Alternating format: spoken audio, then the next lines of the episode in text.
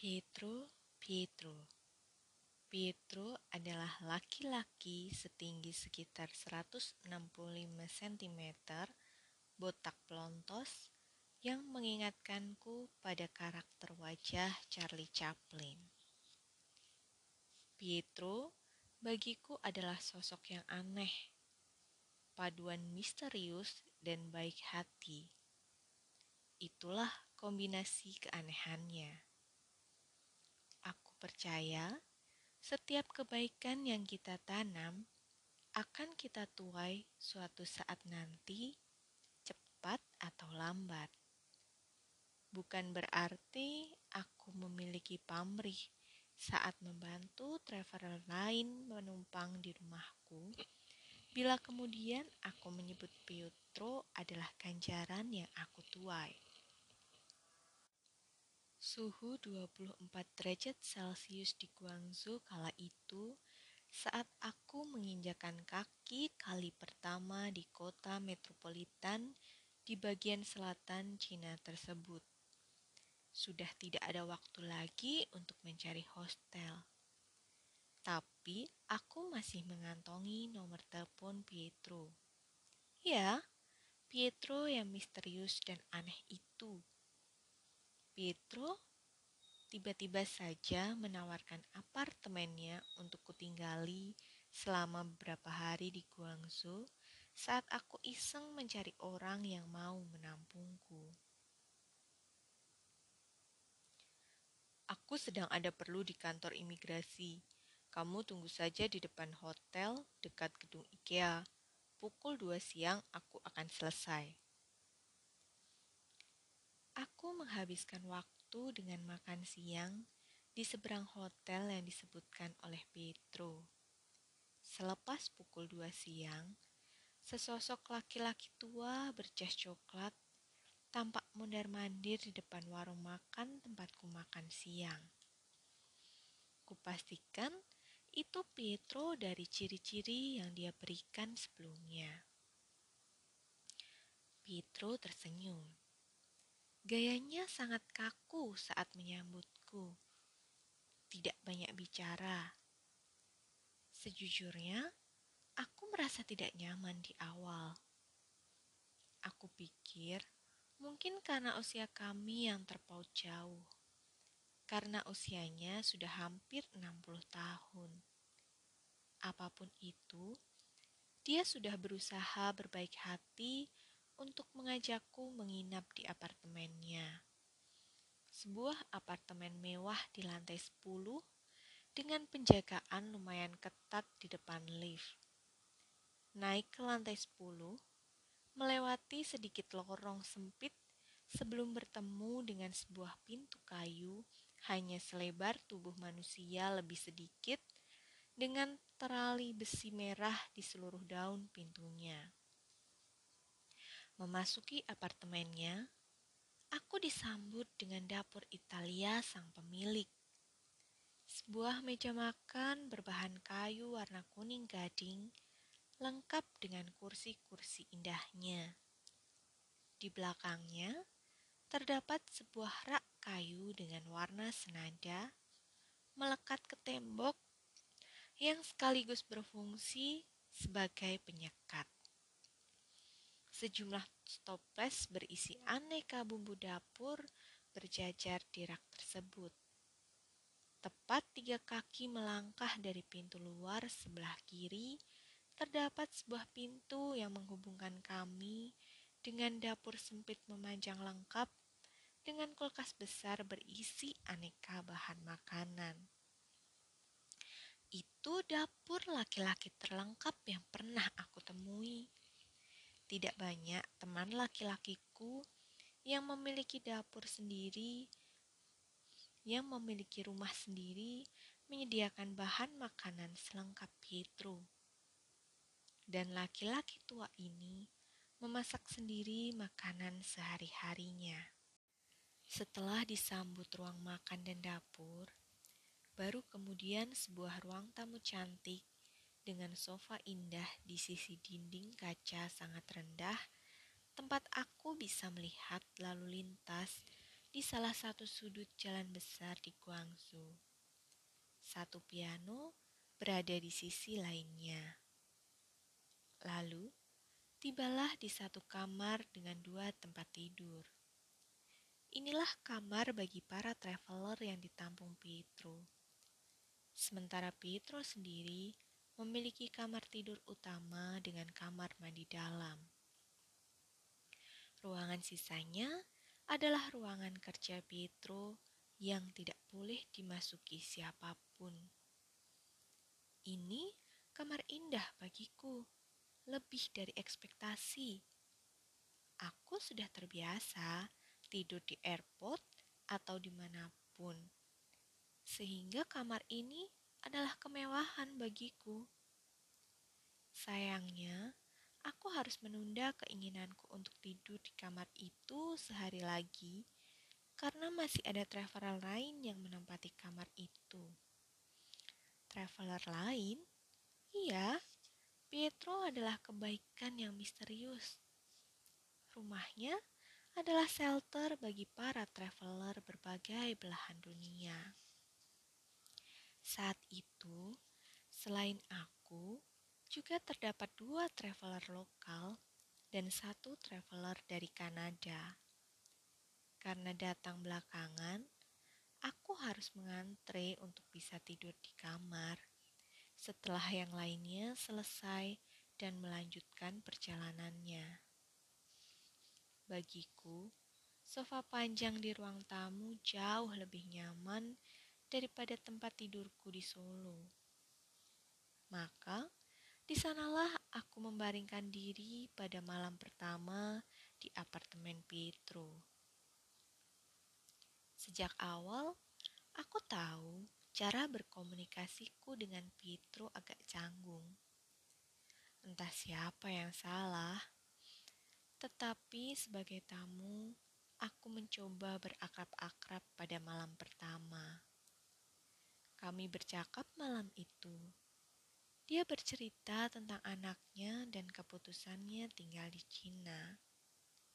Dan seperti biasa, aku bercerita tentang Indonesia tercinta.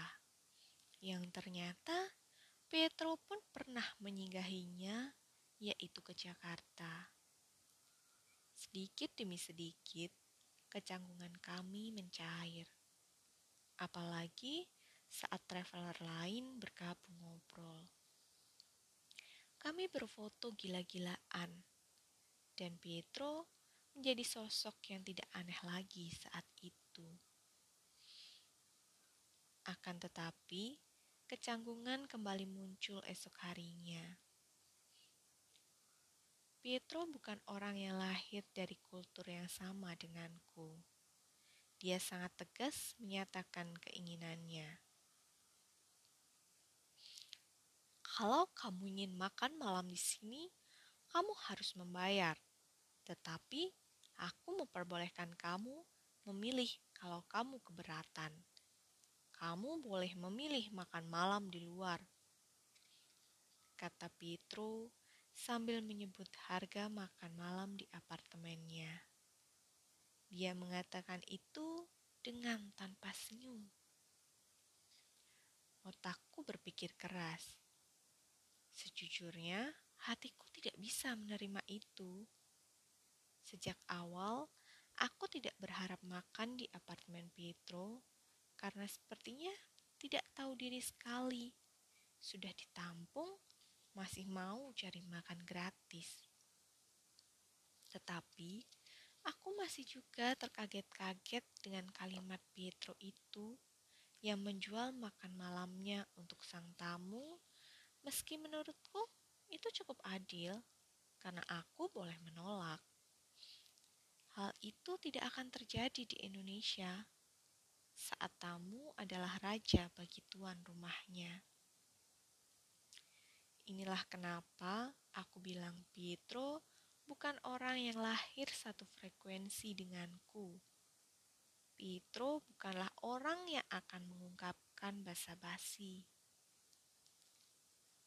Persoalan berikutnya adalah bagaimana aku menyatakan penolakan untuk bergabung dengan makan malam di apartemennya yang harganya 15 kali lipat dari harga makan malam di luar itu. Lagi-lagi, keindonesiaanku muncul. Sungkan, merasa tidak enak bila menolak. Atau menolak? Ini aku, Jawa Tulen yang besar dengan banyak aturan, bahasa basi tidak penting, unggah-ungguh, dan sebagainya. Akan tetapi, kemudian aku menyadari Petro sudah memberikan pelajaran kepadaku untuk tidak perlu berbahasa basi. Katakan apa yang ingin dikatakan. Inilah yang kemudian aku sampaikan kepadanya. Aku tolak tawaran makan malam di apartemennya dan memilih makan malam di luar. Meskipun opsi memilih itu sudah disampaikan Pietro sebagai hakku, tetapi karena merasa tidak enak, aku berkali-kali harus menjelaskan, menegaskan bahwa keputusan untuk makan di luar bukan karena alasan aku tidak menghormati undangan makan malamnya, tetapi karena budgetku yang terbatas. Kamu tahu, aku traveling dengan budget rendah. Jadi, hmm, uang 120 yuan itu bisa aku gunakan untuk makan enam kali. Aku mohon maaf tidak bisa bergabung dengan makan malammu. Ujarku kepada Pietro. Hebatnya, Pietro tidak marah ataupun tersinggung. Ini kunci cadangan. Kalau kebetulan aku tidak ada di apartemen atau kamu ingin pulang agak malam, gunakan saja kunci ini. Kata dia tanpa senyum. Pietro, aku tahu dia melakukan itu dengan tulus. Tentu saja dengan cara komunikasi dia yang agak aneh dan canggung. Aku menerima kunci itu dengan perasaan tidak enak kepadanya. Oh ya, aku menaruh kotak donasi di dekat pintu. Kalau kamu ikhlas, kamu boleh ikut mendonasikan uang berapapun. Tetapi kalau kamu tidak mau, tidak apa-apa. Kata Pietro. Lagi-lagi aku terkesiap. Loh, kok membantu? Kok menyediakan kotak donasi meski sukarela sekalipun?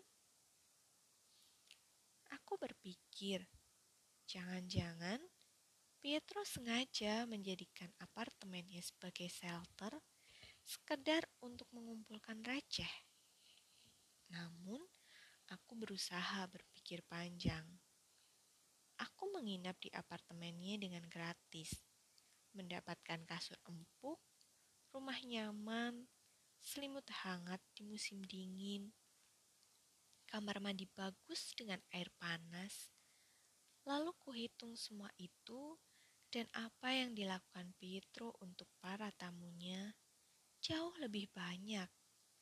Karena Toh kita bisa menolak makan malam berbayarnya atau menolak memasukkan donasi. Situasi akan sulit karena aku orang Indonesia. Kejawaanku muncul.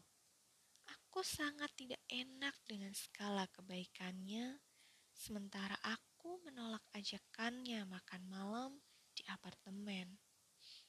Seumur hidupku menjadi orang Indonesia, Aku seperti didoktrin dengan pelajaran bahasa basi dan hasilnya sangat tampak dalam situasi aku dengan Pietro. Pietro seakan menjadi cermin. Bahasa basi tidak penting. Tanpa bahasa basi kebaikan itu tetap bisa terpancar. Itu yang aku lihat dari Pietro. Laki-laki itu dengan segala keanehan dan kecanggungannya tetaplah sel terhidup para traveler dunia yang mencari nyaman saat di Guangzhou. Hari terakhir di apartemen Pietro sebelum meninggalkan Guangzhou, kuselipkan uang kertas ke kotak donasi di dekat pintu. Aku lupa entah berapa, tetapi aku pastikan itu tidak akan mampu membayar kebaikan Pietro. Pietro Minsusi adalah salah satu pelajaran terbaik dari Cina.